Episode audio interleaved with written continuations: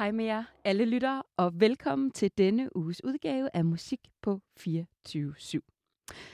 Et program, hvor vi hylder musikken. Både de aktuelle, nye, ældre og undergrunden i både dansk og internationalt musik. Mit navn det er Stine Omega, og jeg er jeres vært den næste times tid, når jeg tager jer lyttere med ud i musikkens magiske og fantastiske verden. Velkommen til Musik på 24 /7.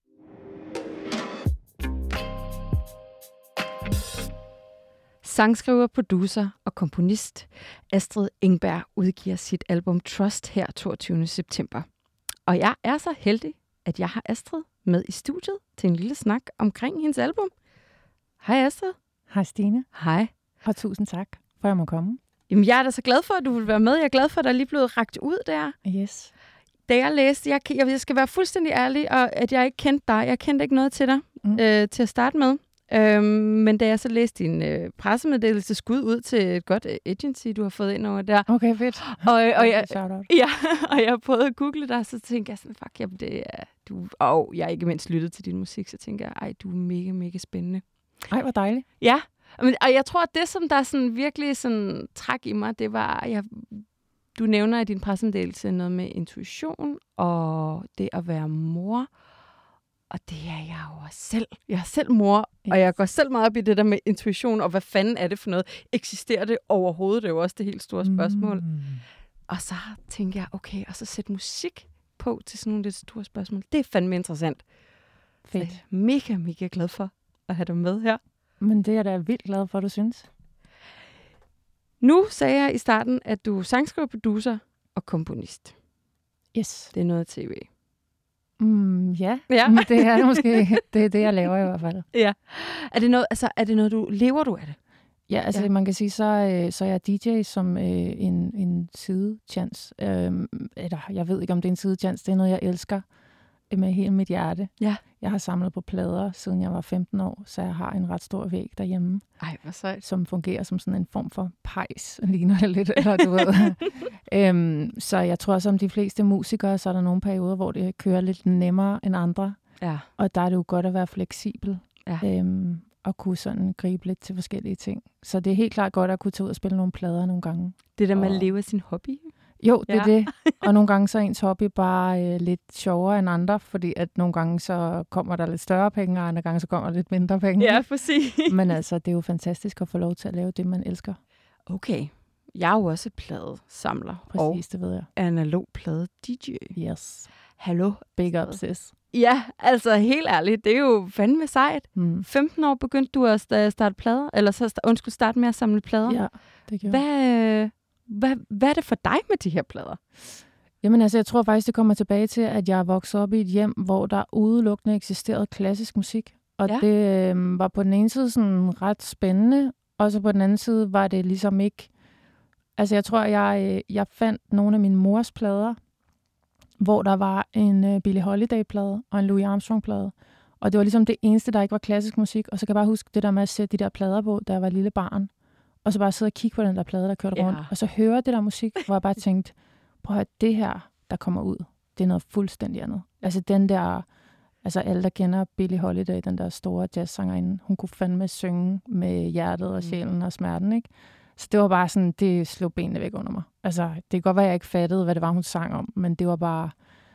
Jeg tror, det, det var sådan min vej ind til pladerne. Det var den der magi, at hun, hun sang ud af den der plade, ikke? Ja. Og så det der med at sidde og kigge på den, den kørte bare rundt, og lyden kom ud af den og sådan noget. Og så stoppede det bare aldrig. Altså, så var det ligesom bare sådan, magien var bare i det. Eller sådan, ikke?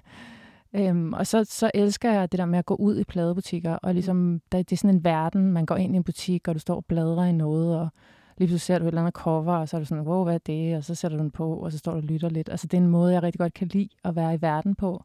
Det er sådan en lidt langsommere måde, end at, ja. at klikke ind på Spotify, øh, du ved, no pun, folk skal gøre, hvad de vil, ikke? Men, men det er bare en dejlig måde for mig at være i verden på. Ja. Øhm, så jeg synes, det griner, og, og apropos intuition, så er det en fed måde for mig at spille på. Ja. Altså, og for eksempel at lave et mix, det er meget sådan, okay, jeg starter med en plade, og så står jeg foran den her ret store øh, pladereol, og så lige så er jeg sådan, okay, nu ved jeg, jeg skal op i det her øh, rum og have fat i den her plade, og så skal jeg herned. Og det er sådan en meget fysisk ting for ja. mig, faktisk. Ja. Øh, jeg synes egentlig tit, det er ret kedeligt at sidde foran en computer. Ja. Jeg har godt lide at bevæge mig ja. og gøre ting, så, så det passer mig rigtig godt. Hvad var den første plade, du nogensinde selv købte? Jamen, det, det er faktisk et godt spørgsmål, og jeg aner det ikke. Nej. Altså, jeg, jeg tror, med, lige med vinyl, der arvede jeg en masse. Ja. Og det var også noget med, og så har det nok været sådan et loppemarkedsfund. Altså, jeg kan huske den første CD, som sådan gjorde indtryk mm. på mig. Det var, øh, der er så to, og den ene er lidt mere måske øh, no-go end den anden. Den ene var sådan en Miles Davis-plade, som det er jo sådan et jazzklenod, som ja. jeg stjal fra min storebror, ikke? Og så den anden var også et tyveri fra min storebror, og det var så nogen, der hed The Course. Jeg ved ikke, om der er nogen derude, der kan huske sådan en gruppe af søskende, der stod med violiner og spillede sådan en form for folkemusik. Men Astrid, også pop. Ja. nu stopper jeg dig lige, ikke? Stærke sager. Fordi jeg har... Øh, en gang imellem, så laver jeg et program, der hedder Guilty Pleasure, Omega-listen Guilty Sådan. Pleasure, hvor jeg har en række musikere eller folk fra branchen inden, der yes. fortæller om deres Guilty Pleasures. Og nogle gange skal jeg jo også selv. Og jeg havde også en gang The Course med. Jamen, der er nogle stærke numre på den plade der. Så og jeg plejer altid, hvis jeg skal sende en mail til, til folk og spørge, om de vil være med, så plejer jeg altid at være sådan et... Altså, altså Guilty Pleasure er altså ikke bare, at du tager et Queen-nummer eller sådan noget. Altså, du ah, nej, skal, vi skal rigtig skal, dybt. Du skal helt dybt. Ja. Og mit eksempel, eksempel er altid The Course, ja, fordi jeg selv har med. Ja, det er der, vi er. Lige præcis. Så, men, men så vil jeg sige, altså, så, så voksede jeg faktisk op med, med Roskilde Bibliotek. Jeg er født i København, men så voksede jeg op i Roskilde. Og, der, øh, og det er jo faktisk der, jeg har fået min musikalske uddannelse. Ja. Det var det der med, at man kunne ligesom komme op med sit lille lånerkort, og så kunne man bare, øh, ja, så gammel er jeg ikke, så kunne man øh, låne så mange CD'er, man ville, og så kunne man bare tage hjem, og så kunne man bare øh, høre og overspille på bånd og alt det der forbudte og sådan noget, ikke lave ja. sine egen mixtapes. Og det er, jo, det er jo sindssygt. Altså, jeg, jeg, jeg føler, at jeg kender virkelig meget musik, takket være Roskilde Bibliotek, ja. ikke? Shout out. Altså, fordi... 100%.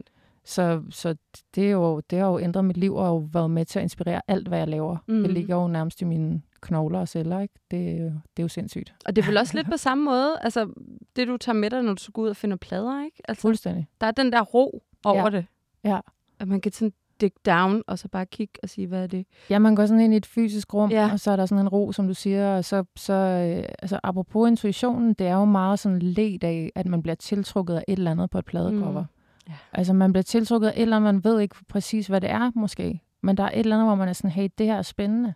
Og det er også lige meget, hvad det er. Ja. Men der er bare et eller andet en, der er sådan, det er den her CD eller plade, jeg skal have med hjem. Ikke? Og det synes jeg også er ret grineren, at det så er det, der sammensætter på en eller anden måde ens musikalske DNA. Mm. Det er noget, man ikke kan forklare. I ja. mit tilfælde i hvert fald. Ikke? Ja. Det synes jeg, der er noget smukt og sjovt ved. Altså. Absolut. Det er jo helt fantastisk. Det er helt magisk. Ja, det er det. Astrid, plader, CD'er og Roskilde Bibliotek. Og det lyder som noget, som jeg sådan startede sådan rimelig, rimelig tidligt. Men hvornår begyndte du så ligesom at finde ud af, at du godt selv kunne tænke dig at lave musik? Øh, godt spørgsmål. Altså, jeg, jeg tror, jeg kan ikke sådan rigtig huske et tidspunkt, hvor der ikke har været musik af en eller anden art. Men, men det tror jeg, det tog rigtig lang tid, før jeg tænkte sådan, at jeg skulle lave musik eller leve af musik. Altså, mm. jeg mhm. skrev rigtig meget, da jeg var teenager, sådan, altså ord og små digte og sådan noget. Så fik jeg en guitar og sad og spillede lidt på den, og så gik jeg til alle mulige instrumenter, klaver og violin, og var aldrig sådan rigtig god til at koncentrere mig, og var ikke super god til at øve mig Nej. og sådan noget, vel? Og var ligesom igennem hele møllen, ikke? Og tænkte bare, okay, det kan jeg ikke finde ud af, og sådan noget. Øhm, men så kan jeg huske, at, øh, at jeg begyndte at skrive nogle sange, og jeg kan også huske noget med, med sådan nogle gåture hjem, da vi var måske 14-15 år fra fester og sådan noget, og så var nogle gange folk sådan, hey, synger du ikke lige den der sang? Og sådan noget, og så var det sådan, okay, så gik jeg og sang en anden sang, og så var folk sådan, der kan jeg huske, det var sådan, okay, folk gider egentlig godt høre, mm. at jeg synger, det der griner nok og sådan noget. Og, øhm, så tror jeg, så, så der var, hvad var jeg, 18-19, så flyttede jeg til Vestafrika i fem en halv, seks måneder for at lære at spille djembe, som er sådan en percussion-instrument, okay. en tromme. Hvordan kan det være? Jamen altså, det var fordi, der var jeg ligesom begyndt at gå ind i musikken og synge lidt mere, og, og der var ligesom sådan noget med, nå, sanger inder, de har super dårlig rytme og alt muligt pis. Og så Ej. var jeg sådan, nej, men altså, du ved, alt muligt, ikke? Ja. Og så var jeg sådan, okay, men hey, jeg vil egentlig gerne, du ved, jeg, synes, jeg har altid synes, trommer var et virkelig fedt instrument. Ja. Og jeg vil gerne blive vildt god til at spille percussion. Mm. Og så tænker jeg, hvor tager man hen? Okay, Vestafrika er i hvert fald et godt bud. Mm. Fordi alle de plader, jeg hørte fra Vestafrika, der var super meget percussion, og det groovede bare helt sindssygt, ikke? Øhm, og så tog jeg ligesom derned og sad under et, øh, et baobabtræ og et mangotræ og øvede og fik blå fingre og, du ved, levede det. Og det var en helt vild oplevelse. Altså, det gav mig så meget. og var så smukt og sindssygt. Øhm, og så skete der alt muligt. Altså, så kom jeg hjem, og så knaldede jeg hovedet ned i en bro, og så øh, lå jeg i min seng i to år, og så havde jeg syv år, hvor jeg nærmest ikke kunne komme ud af en lejlighed og sådan noget. Nej, hvor forfærdeligt. Ja, altså, det var jo sindssygt. Ja. Og det var jo, øh, som alle, der har haft en voldsom hjernerystelse, eller en hjernerystelse med voldsomme følger, ved jo, at det er jo sindssygt. Ja. For du kan jo ikke noget. Altså. Så var der... musikken på standby så, eller hvordan? Eller hjælp? Nå, men så, de for, altså, så blev det ligesom sådan noget med, at jeg tror, det var efter et år eller et eller andet.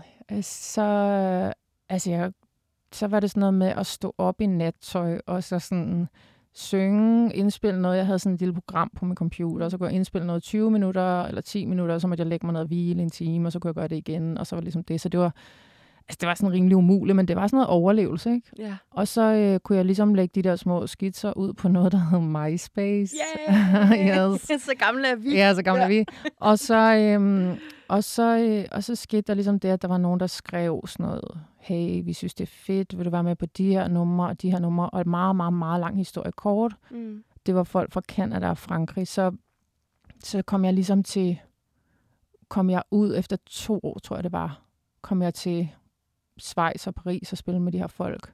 Og spillede altså på det mest legendariske historiske sted, der hedder l'Olympia i Paris. Yeah. Som altså alle Stevie Wonder og du ved Jeff Buckley og alle de store spillede på. Ej, og det var sådan, jeg, jeg, jeg, jeg var sådan, når du fortæller det. Jamen det var sindssygt, fordi jeg havde ligesom tabt mig sådan 10 kilo. Jeg var virkelig, virkelig syg, ikke? Og jeg, det var sådan noget med, at jeg, kunne, jeg var sådan, jeg kan spille tre numre, og så kan jeg ikke stå op mere. Og så gjorde jeg det, og så gik jeg ud og lå og kastede op i en bil. Men jeg var bare sådan, efter det var jeg sådan, okay, prøv at høre, nu er der ingen, der kan fuck med mig, fordi jeg klarede det og sådan yeah. noget, du ved ikke?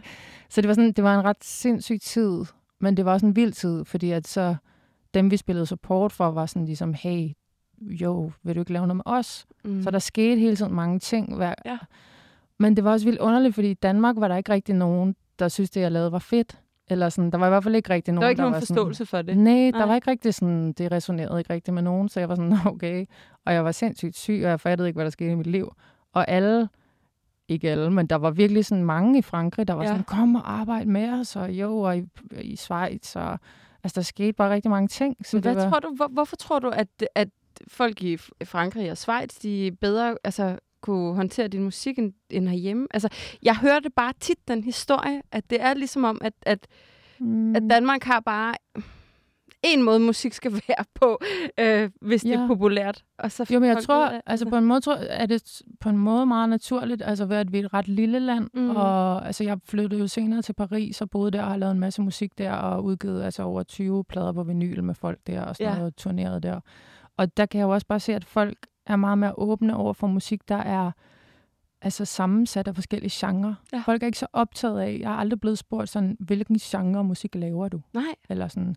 Og herhjemme, der er det tit, folk har ligesom, og det dømmer jeg mig ikke for, det er bare sådan, det er, men folk har tit brug for ligesom at vide, hvad er det, du laver, mm. før de hører det, før de sådan kan forstå, eller give sig selv lov til faktisk at høre musikken på en eller anden måde. Mm. Og det, altså, men hvor for eksempel når du bor i Paris, så lægger du mærke til, at Frankrig har jo en kolonialiseringshistorie, altså en meget dyster mm-hmm. historie, men som jo så har den, øh, hvad kan man sige, effekt, at der bor mennesker fra hele kloden, og især også fra øh, blandt andet Vestafrika øh, og Nordafrika, som jo bidrager med, at du kan bo op i det 18. i Paris, og så ja. sidder folk og spiller kora, eller sådan. Og det, og det gør bare, at den almindelige øh, nu kan jeg ikke tale for hele Frankrig, men for eksempel hvis du bor i Paris, så er du vant til at høre de her instrumenter, mm. fordi de bliver spillet på gaden, og du er vant til, når du tager på arbejde, så kan du høre det i metroen, det her instrument. Så når du så hører det instrument i en popsang, så er det ikke så mærkeligt for dig. Nej, det er genkendeligt. Ja, ja, ja. Og det tror jeg bare, det er, sådan, det er jo kommet meget mere ind i Danmark, altså det der med, at vi, vi smelter ting sammen mm. og sådan noget, mm. heldigvis. Altså ja. det, er jo,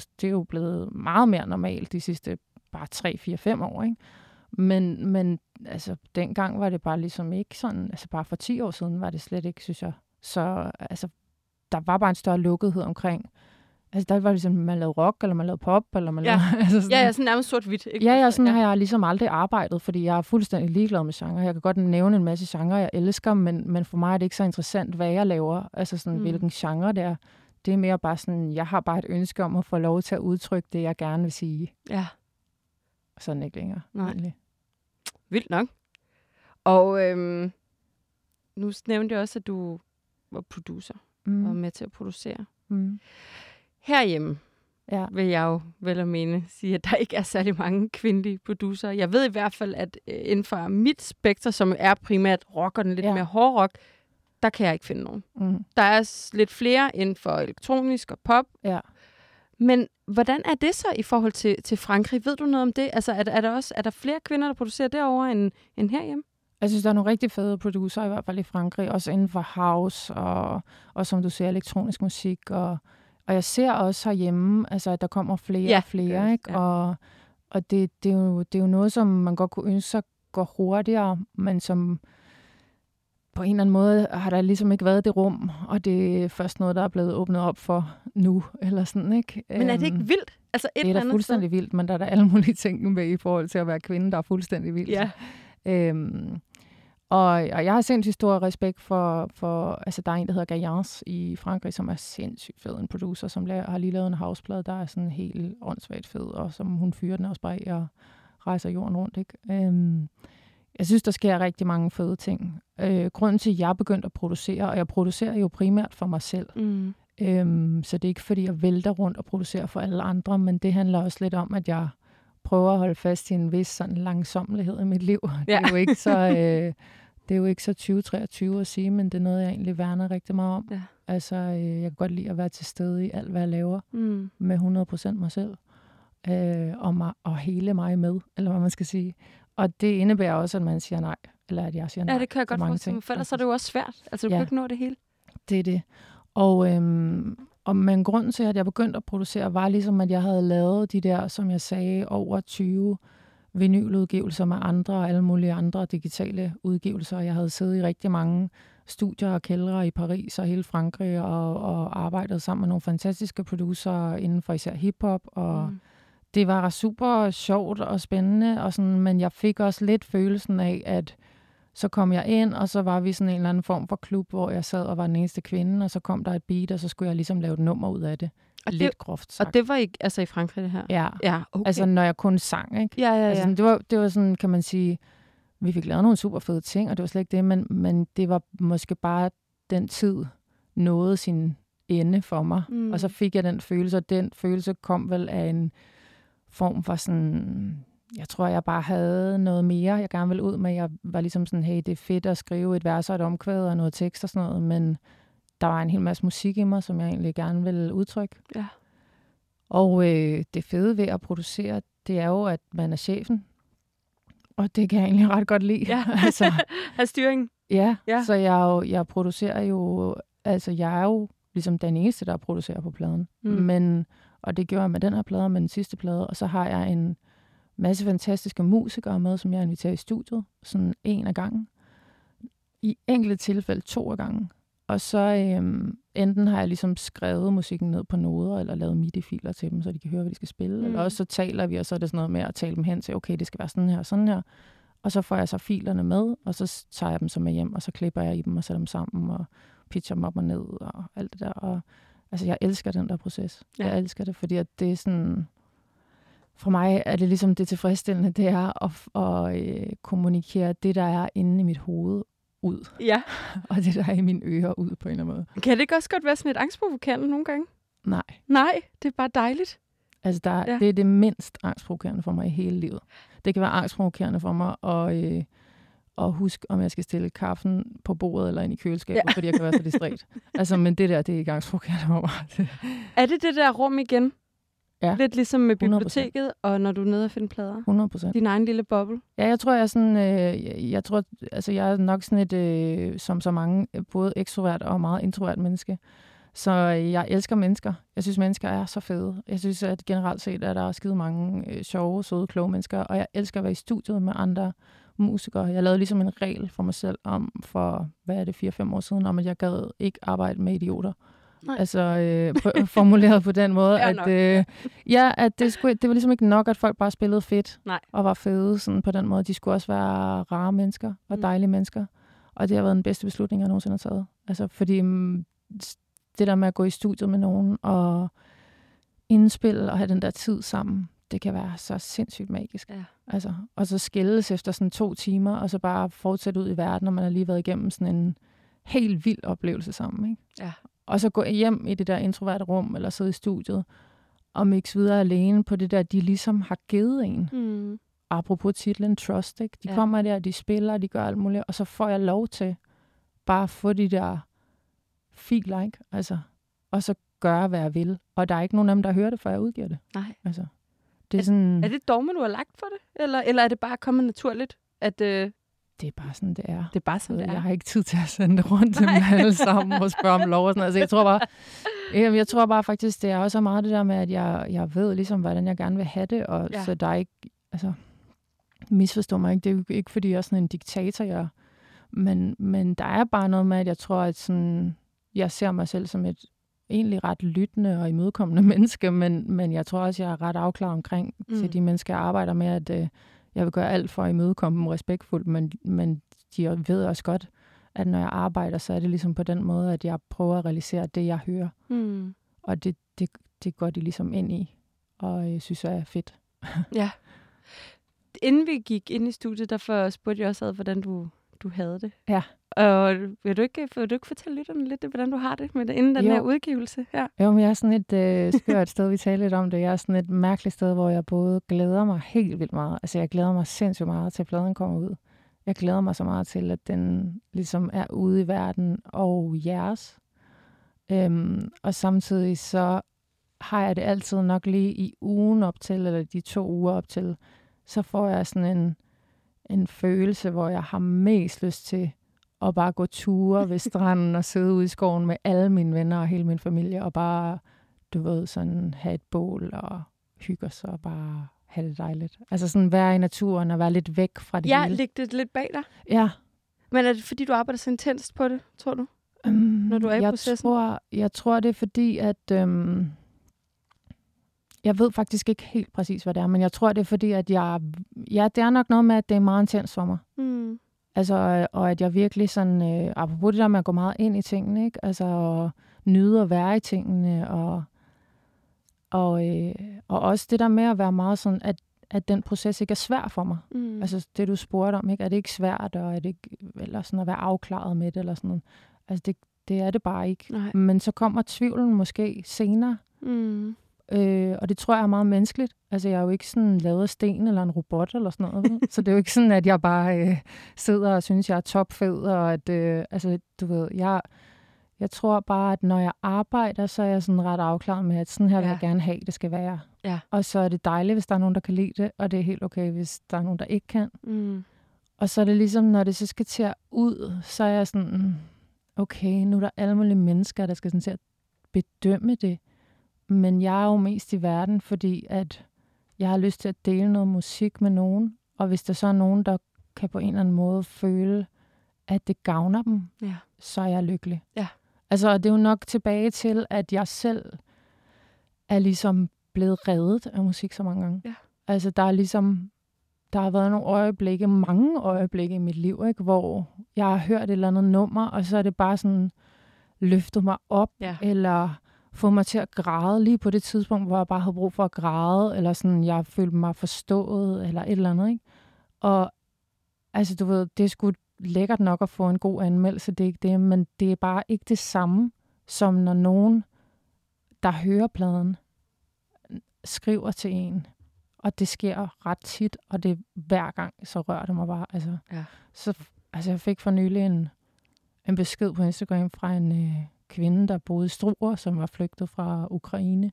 Og hun var sådan, jamen jeg har, hun skrev selv sange, og hun var sådan, hun havde det jo selvfølgelig helt vildt, fordi at krigen stadigvæk ligesom rasede, og hun, nu boede hun i Struer, ikke? og så har hun hørt et eller andet på P8 Jazz, og hun så synes hun, det var, havde rørt hende helt vildt meget, og så skrev hun bare et eller andet med thanks for staying close to the people, og skrev, at det havde virkelig rørt hende og sådan noget. Og der var bare sådan, okay mand, hvis hun kan sidde Ja og bare have en følelse af, at det her, den her lille sang, det her lille nummer, jeg har skrevet, kan give hende bare et minimum Mm. af glæde i alt det lort, hun står i. Ikke?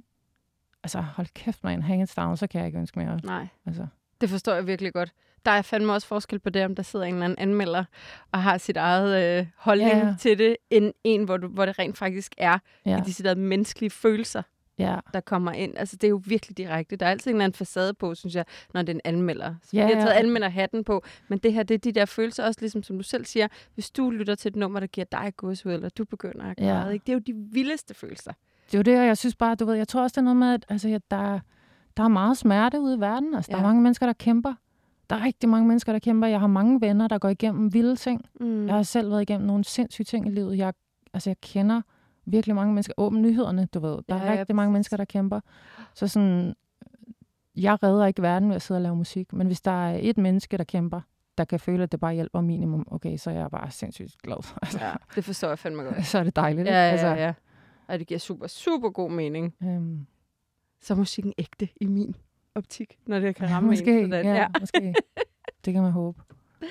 Jeg kunne godt tænke mig, at vi talte lidt om den der intuition, vi snakkede om Mm. i starten. Jeg tror 100% på intuition, og jeg Mhm. stoler 100% på min egen intuition. Nogle gange kan den godt forveksles lidt med at overtænke ting for Mm. meget. Men den der sådan lige helt klare intuition, der går lige ind i maven, den tror jeg på. Mm. Men det er jo også et begreb, som er blevet diskuteret frem og tilbage, om det overhovedet er noget. Om Mm. det overhovedet findes.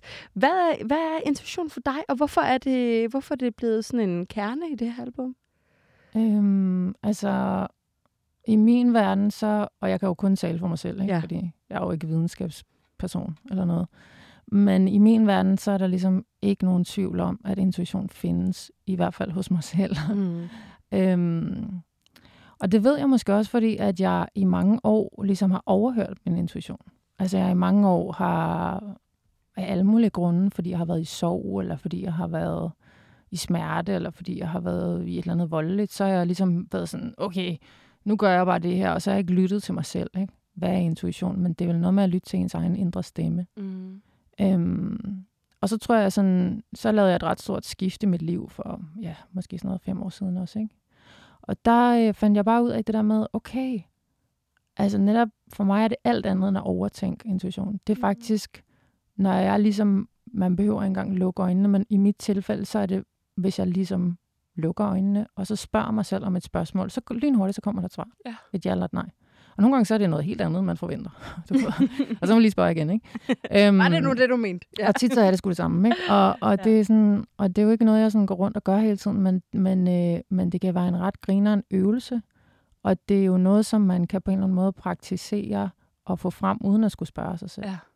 Så jeg tror, at jeg, man kan sige, gennem den skade, jeg har fået, og gennem de ting, jeg er blevet nødt til at gøre og ændre i mit liv, så tror jeg bare, at der er kommet en ret sådan skarp klarhed på, at de svar, der ligger i mig, når jeg giver plads til Mm. når jeg giver plads til at lytte til den stemme, som er inde i mig selv, de faktisk gør mit liv virkelig meget federe. Ja.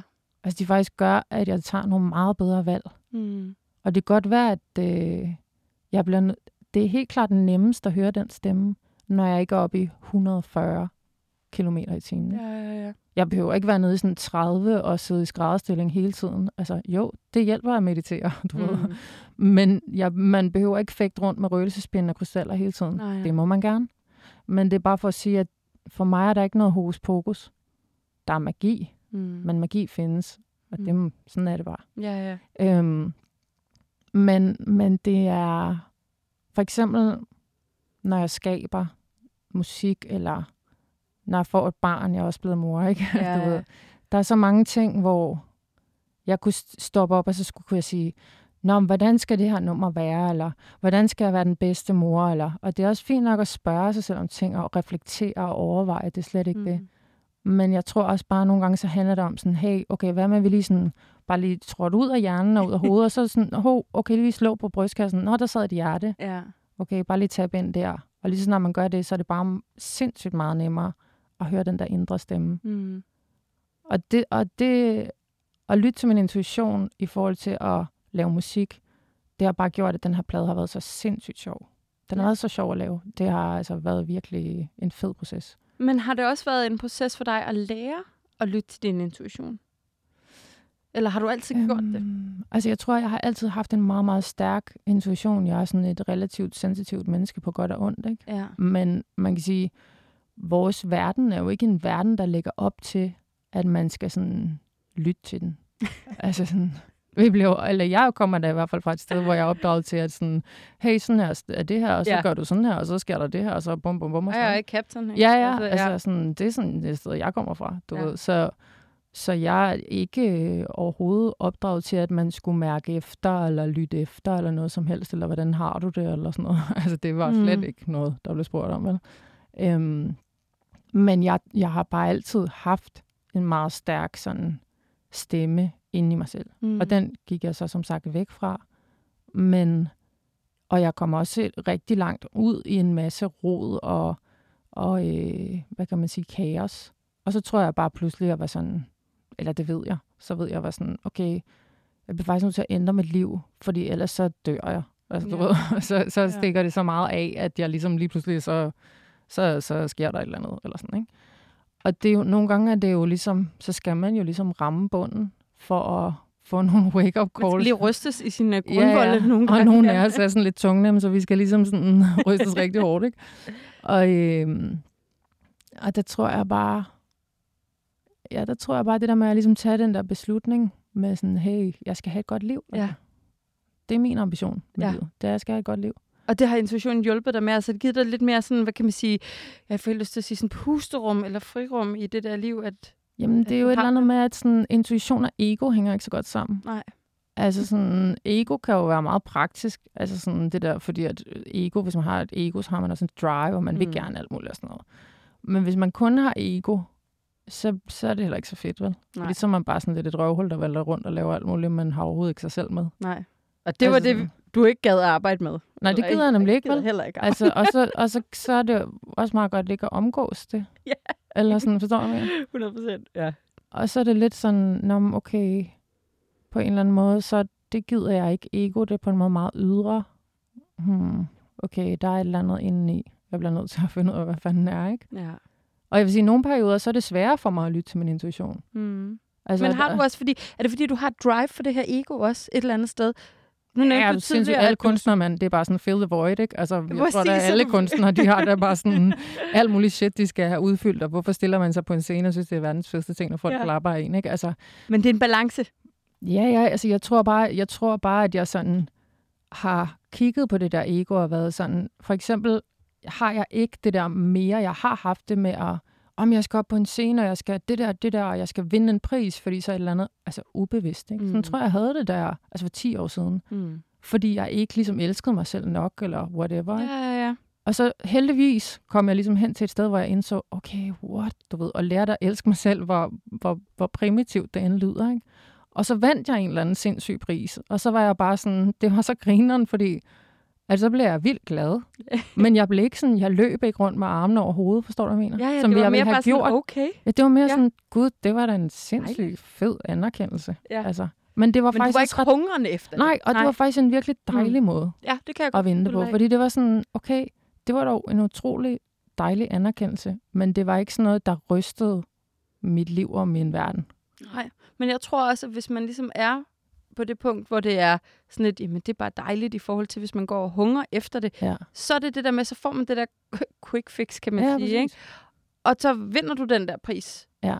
Og så lige pludselig, så går der et par uger. Jamen hvad så nu? Det er lige præcis Og det. så ryger man ned igen. Og det er, jo, det er jo også det, der er sjovt, at det var faktisk, altså ligesom efter jeg besluttede, om jeg skal bare lave musik med hjertet, jeg skal kun lave musik mm. for at have det dejligt og fedt. Det var ligesom først der, det hele samlede sig for mig. Mm. Det var faktisk først der, hvor jeg følte, at, at der var noget medvind også, sådan som jeg fik, og, og at tingene flyttede sig på den måde, jeg gerne ville have, de flyttede sig mm. og sådan noget. Ikke? Det er jo det, der er så skørt. Altså på en eller anden måde, så skal det samle sig Ja. organisk i en. Man kan ikke sådan rigtig styre det, men Nej. altså, og, og det synes jeg er fedt. Tror du, det hjælper? Og og jeg ved godt, det er måske en gammel kliché, men tror du, det hjælper, Astrid, at vi bliver ældre? Og vi bliver forældre, eller, eller hvad? Altså, jeg tror da helt sikkert, det hjælper, hvis man, altså, som man lærer der forhåbentlig lidt sådan med årene, ikke? Mm. Altså, hvis man vil. Man kan også Præcis. godt lade være at lære noget, og så Det bare det. blive ved med at være et Ja. ikke? Altså, eller hvad man nu er. Men øhm, jeg tror da, jeg håber da for alle mennesker, jeg tror da i hvert fald med mig selv, at øh, og så handler det om ligesom også måske at vælge øh, de mennesker, man synes er fede at omgås. Så sker der jo noget helt sindssygt, når man bliver forældre. Ikke? Man tror ligesom, man ved, hvad man går ind til, og så er man sådan, wow, Man what the fuck, hvad har jeg, what did I sign up for, ikke? øhm, men så er der jo det der fede med, at børn er jo pissebesværlige, og helt sindssyge, og mega krævende, og så er de jo bare så mega fede og inspirerende, fordi de giver jo ikke en fuck. Nej. Altså, hvis man må sige sådan noget herinde. De er jo Det må man godt. sindssygt ligeglade, og de er jo bare, de er sådan, det her behov har jeg, opfyldt det nu. Ja. Men de er jo også sådan, de, de jo kommer jo nærmest ud med personlighed fra første dag. Ikke? Mm-hmm. Og altså, vores ene datter, øh, vi har så tre børn, hvor jeg har født den ene, ikke?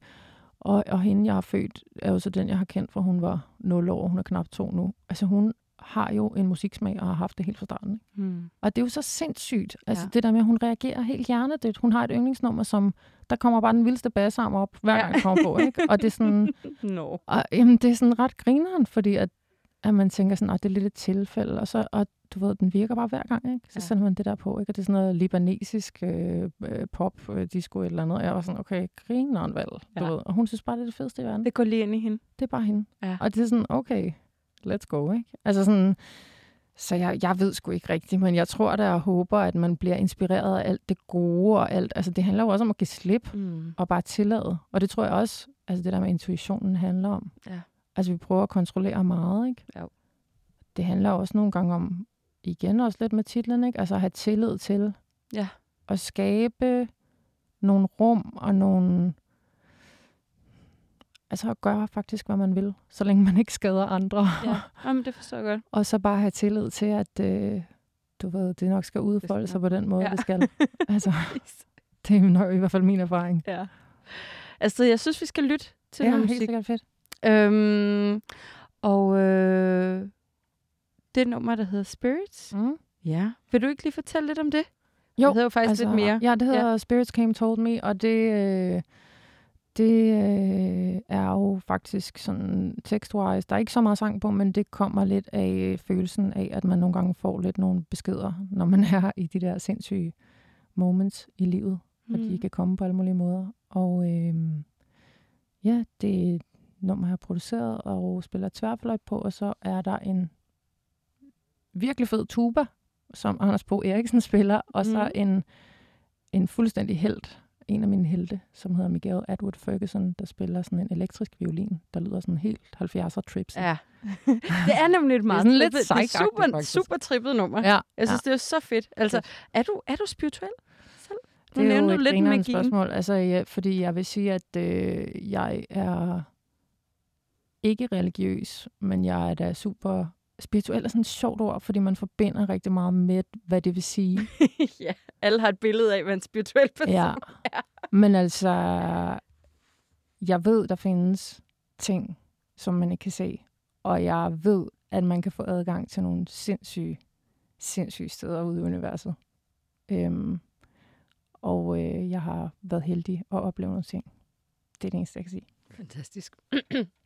Lad os lytte til det. Det kommer her.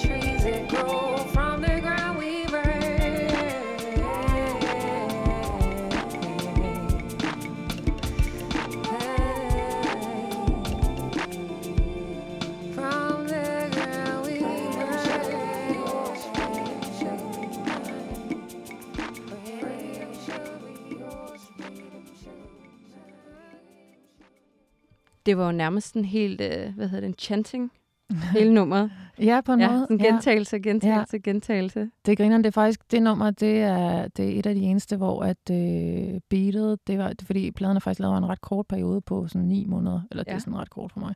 Men det der nummer er det eneste, jeg startede på, da der var lockdown, der var jeg sådan, okay, hvordan skal jeg underholde mig selv? Og så begyndte jeg at lave beat om dagen. og det var et af de beats, hvor jeg var sådan, okay, det er meget fedt, det kan jeg godt lige gå videre med. så det er det eneste, der sådan ligesom har en, øh, trækker længere tilbage i tiden. Det er virkelig fedt. Tak. Det er virkelig, virkelig fedt nummer. Tak. Men jeg synes lige, vi skal nå, vi skal nå at høre lidt mere. Mm, Mm. dejligt. Ja, det nummer, der hedder Adaption. Det er jo, Ja. det er jo lidt længere nummer. Ja, for Ja. ja. fanden. Ja, det er jo slutnummeret på pladen, faktisk. Ja. Og øh, det er jo et nummer om øh, stor kærlighed og stor restløshed. Og øh, skal jeg fortælle om det? Det synes jeg. Ja, vil rigtig gerne altså, øh, jamen det handler jo egentlig, jeg ved ikke, om jeg kan sige det bedre, end at sige, det handler om stor kærlighed og stor restløshed. Det, det er to følelser, der føler, fylder meget i mig. Ja. Og, øh, og det handler ligesom om, øh, om følelsen, man kan have, når man ligesom er tæt på et andet menneske, som nu er det sådan helt tilfældigt, hvem det kunne være, men øh, som, som man gerne vil nå igennem til. Ja. Men der er ligesom, personen har svært ved at åbne op og dele ud. Og man er sådan, kom nu bare, hjælp mig nu, åbne op, fortæl, hvad der sker i dig Mm. jeg vil så gerne være der med dig. Øhm, og øh, fordi der er noget vildt smukt ved, når vi tør at ligesom være sårbare Mm. og sige, men det er fordi, jeg føler det her, eller whatever. Øh, så kan det blive til et kæmpe orkester af skønhed. Men øhm, der sker jo alt muligt ind i os. Så det gør, at vi bare skal høre det. Ja, så se, kan, vi, så sker. vi prøve at snakke om Ja, det sikkert. for jeg synes egentlig, det er meget interessant, det der, du nævner med at åbne sig over for andre mennesker og være sårbar. Ja. Og hvad, hvad med dig selv? Er du åben? Eller er det en maske, du tager på? Nu sagde du selv, du er ekstrovert, introvert. Ja, Ikke? Altså, du ved, hvilken maske Ja. du skal tage på over Ja. for forskellige mennesker, ikke? jo. Altså, jeg er, jeg er helt klart øh, både åben og lukket. Mm. Altså, øhm, jeg har lært at være mere åben, fordi jeg kommer fra et sted, som sagt, hvor der ligesom ikke var noget, der hed følelser. Nej. Altså, og der var ikke, øh, så jeg er ikke vant til, at man kan snakke om følelser. Og det jo rimelig skørt, når Mm. man øh, kender mig, og måske også, øh, når man hører os to tale, fordi jeg er jo et menneske, der egentlig øh, føler ret meget. Ja, ja. og godt kan lide mennesker, der føler ting, og synes, det er ret naturligt at føle mange ting. Øhm, så det er helt klart øh, noget, jeg i fortiden har sådan været i en form for krig med mig selv mm. med. Mhm. At føle rigtig meget, men at, at, at have fået at vide, at man ligesom ikke måtte føle eller sådan noget. Ikke? Men du nævnte også tidligere det der med, at når man bliver født, har man jo ligesom en personlighed. Ikke? Så hvis du Jo. er blevet født med en åben personlighed, og så fået at vide af dine forældre, eller Ja, ja, men jeg har jo altid troet, at jeg var adopteret også. Ja. Og, at, og, været sådan, og det er jo også derfor, at øh, jeg ved jo, at jeg kommer fra et sted med kærlighed. mm. Jeg var ligesom bare den eneste i det hjem, som på en eller anden måde var sindssygt meget anderledes end de andre. Ja. Så der var fire mennesker, der på en eller anden måde trivedes sådan okay i hvert fald i noget, og så var der ligesom mig, ikke? Ja. Og det er jo bare sådan, det er nogle gange. Øhm, men derfor kan det jo godt være rigtig besværligt, når man ikke forstår, hvad der foregår. selvfølgelig. Men så er jeg jo så heldig, at øh, som alle, så bliver man voksen. Og så kan man ligesom øh, vælge, hvordan man gerne vil leve sit liv. Ja. Og man kan være heldig at møde nogle mennesker, som øh, viser en, hvordan man kan åbne sig. Mm. Og man kan være heldig at møde sin store kærlighed, som siger, hey, hvad sker der? Fortæl mig om det. Og øhm, så kan man skrive en sang om det, som rummer det hele måske. I don't know. Og den skal vi lytte til. Ja, fedt. Den kommer her.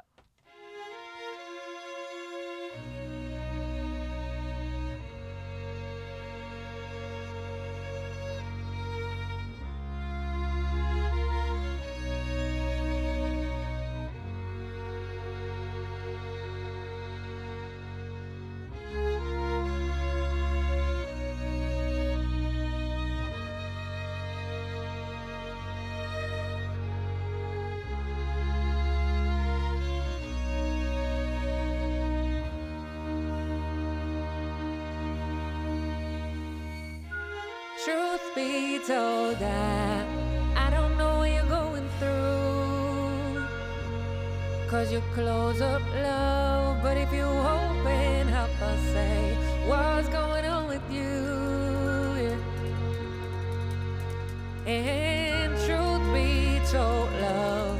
I feel like running what I gotta do.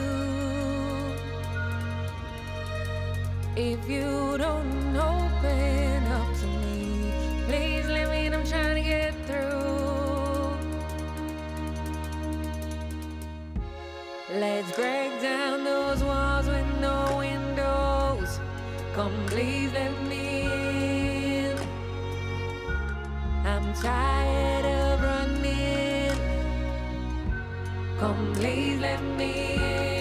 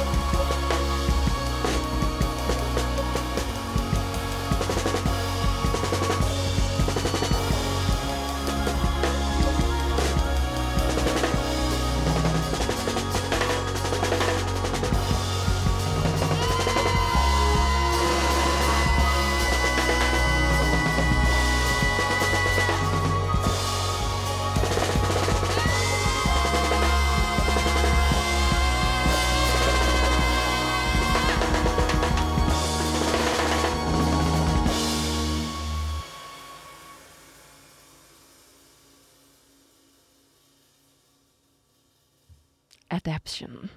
Mm-hmm. Astrid, hvad er det for et skrig, der kommer her til sidst, eller råb? Det virker som om, det er sådan en forløsning. Igen, jeg synes, der er rigtig meget, altså nu, jeg nævnte det også tidligere før, da vi var nede, der er jo sådan, ja. Ja. trippet din musik. Nå, ja, jeg ikke ja, ja, trip jeg elsker trip. Ja, men, men det er nemlig, det er meget trippet, og det er, ja. Ja. men jeg kender godt den der, det er sådan, det bliver bygger, musikken bygger det op, og så ligesom om det bare sådan, Ja. Men jeg tror, altså, Mhm. jeg er virkelig optaget af det der med at, at netop at sådan komme ned i kroppen, og ikke være så meget i hovedet, Ja. og, og øh, du ved, jeg elsker sådan at slås med mine venner for sjov. altså, du ved, sådan, ja, øh, og, og, ja, være lidt fysisk, og ikke bare mm. sidde og med en kop kaffe hele tiden, og bare sådan, så hellere hoppe lidt rundt og høre noget musik, og have det grineren, og sådan noget. Dans, eller alt muligt, ikke? Øhm, men det der skrig er meget sjovt, fordi jeg ved ikke rigtigt, det opstod ligesom på pladen. Og så, øh, og det var ligesom bare to takes, hvor jeg skreg, og så var jeg sådan, okay, det er fint, det skal være med. Og jeg tænkte ikke ligesom over, hvad det var. Jeg vidste bare, det skulle være der. hmm. Og så har vi så været ude her i sommer, så spille nogle af, af numrene live. Øh, og så har vi så sluttet med at spille det der nummer. Og øh, det bygger jo sådan op meget sådan orkesteragtigt, Ja. og det er vildt fedt også, når vi gør det live. Jeg har også, jeg spiller på sådan en mellotron, der har, spiller sådan nogle stryger, og Jonas, der spiller keys, han spiller også med sådan nogle strygereffekter, og så har vi sådan Svend spiller sådan nogle alle mulige vilde blæserinstrumenter, og Anders står og spiller lidt af crazy trommer og sådan noget. Så det sådan bliver ret sådan storladent og Ja. episk. Ja. Og så, øh, og så sådan, så er der et eller andet med det der med at få lov til bare at hoppe rundt til sidst, og sådan, er det fedt. Og så råbe. Mm. Og så, så, så, nu ved jeg jo ikke, hvordan det kommer til at gå, når vi tager på efterårstur, men så skete der bare noget begge gange, som var ret vildt, som jeg bare aldrig kunne have forudset. Og den, den ene gang var inde i sådan en sådan renaissancesal inde på Vesterbro nærmest. Det var helt gakket med lysekroner og sådan noget. Og så stod Wow. jeg der og råbte og skreg og sådan noget. Og så, øh, og folk var heldigvis rigtig glade. Og så lydteknikeren, som var rigtig fed, han bagefter kom han sådan op og var sådan helt våde øjne, og så sagde sådan, øh, det rørte ham virkelig, det der råb der og sådan noget. Så var jeg sådan, "Nå, okay, og fedt og sådan noget. Så gjorde vi det på Bornholm sådan ugen efter, og så, så ham der bookeren, så sagde han sådan tak, og så begyndte han sådan at græde, da han skulle sige tak, sådan en stor voksen mand, ikke? Og så sagde han, wow, sådan et der skrig kunne vi måske alle sammen bruge. Ja. Og så kom der bare sådan en to meter høj mand op, sådan en kæmpe stor dude, og sagde, du ved, altså stod og græd, ikke? Og var sådan, tak, og ej, og han var helt, og det der råb, og sådan, og så var sådan, okay, hvor er det fucking grineren, at der bare står sådan voksne mænd og græder op i hovedet på mig over, at jeg hopper rundt og råber, uden at vide, mm. hvad fanden det handler om. Men jeg ved jo godt, hvad det handler om, ikke? Altså, det handler jo om, at vi alle sammen et eller andet sted har, eller jeg ved ikke, om det er alle, men jeg tror, at de fleste mennesker har et eller andet, som er uforløst. Mm. En eller anden smerte i sig. Og nu, hos nogle af den lille, og hos nogle af den store. Og jeg har bare erfaret i mit liv, at nogle gange så er det bare skide godt at råbe lidt. Altså, og det kan være rigtig svært at gøre. Fordi at så tror folk sådan, uh, enten så er man sindssyg, eller også så skal de gøre et eller andet, eller sådan noget, eller også så uh, et eller andet, ikke? Jeg siger bare til folk, jo, tag ud til vandet, gå ud i naturen, råb, man, råb op ad et træ, og så kram det bagefter, der gør, hvad du skal gøre. Men sådan, altså jeg glæder mig også nogle gange gang til den dag, hvor der er en i publikum, der bare sådan råber tilbage, at Ja. ja. altså hvis der, hey, kom forresten, vi spiller på Lille Vega. Må jeg godt lige lave reklame for den? Endelig. 9. Ja. November. Ja. 9. november. Kom, kom, kom. Det bliver simpelthen den fedeste fest. Og hvis man føler for det, må man bare så gerne råbe tilbage, hvis man hører det her. Og kommer og hører os, når vi spiller det her nummer. Fordi for mig der er det bare sådan, hey, man, vi, det handler om at være der sammen, når vi spiller live. Altså. Det handler om, at jeg gør det bare, fordi at jeg får også tårer i øjnene, når jeg har gjort det. Mm. Og jeg så står, og de spiller færdigt, og der er bare sådan nogle smukke strings, og jeg er bare sådan, jeg har bare lige fået, du ved, givet slip på det hele. Ja. Og gøre det i et rum med smukke, dejlige, skønne mennesker. Altså, fuck, mand. I, og øh, I skal være så velkomne til at være med. Jamen, jeg, Råb, råb. Kom og råb, Ja, Stine. men 100 procent. Altså, jeg, er- jeg er med dig hele, hele vejen, ja. Astrid. Det, øh, og, jeg kan, jeg kan, og jeg kan mærke det i din musik også, det der er ingen tvivl om. Der er den der, som jeg selv jeg står og bliver meget sådan kropslig, ja. når jeg snakker her, og det, Ja, det kan lytterne ikke se. Men, øh, men det er de store følelser, ja. ja, Ja, og, og dem skal man også have lov til at have og give slip på præcis. nogle gange. Astrid, det var virkelig, virkelig en fornøjelse at have dig med. Ja, Tak lige Tale med dig. Meget, meget inspirerende menneske. Skønt. Hvor jeg ønsker dig alt det bedste med dit album, der kommer ud 22. september. Ja. Og hvornår var det, du spillede? 9. november, Lille Vega. Sådan der. Og tusind tak for, at jeg måtte komme. Det var rigtig dejligt at være her. Det var det i hvert fald.